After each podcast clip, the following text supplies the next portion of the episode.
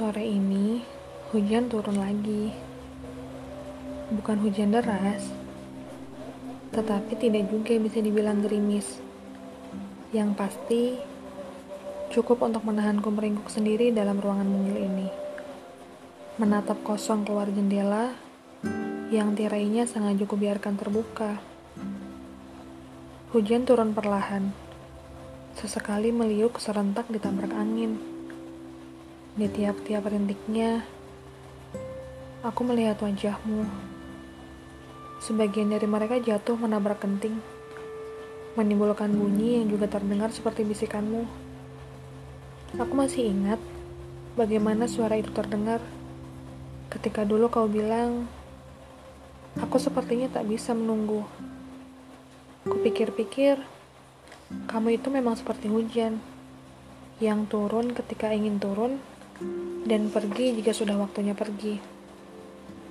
Hujan bisa datang dengan atau tanpa tanda-tanda, dengan atau tanpa aba-aba.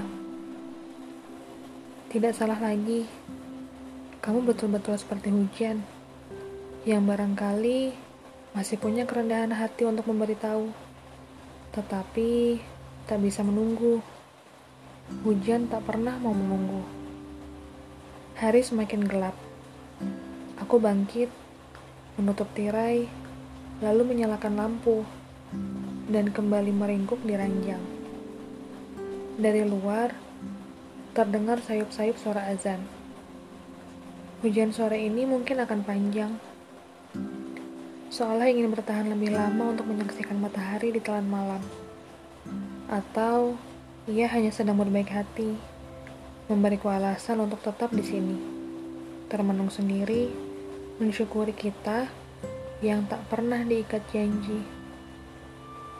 Sejak dulu, aku sadar betul bahwa pada akhirnya memang ada yang harus pergi. Apakah kesunyian atau dirimu?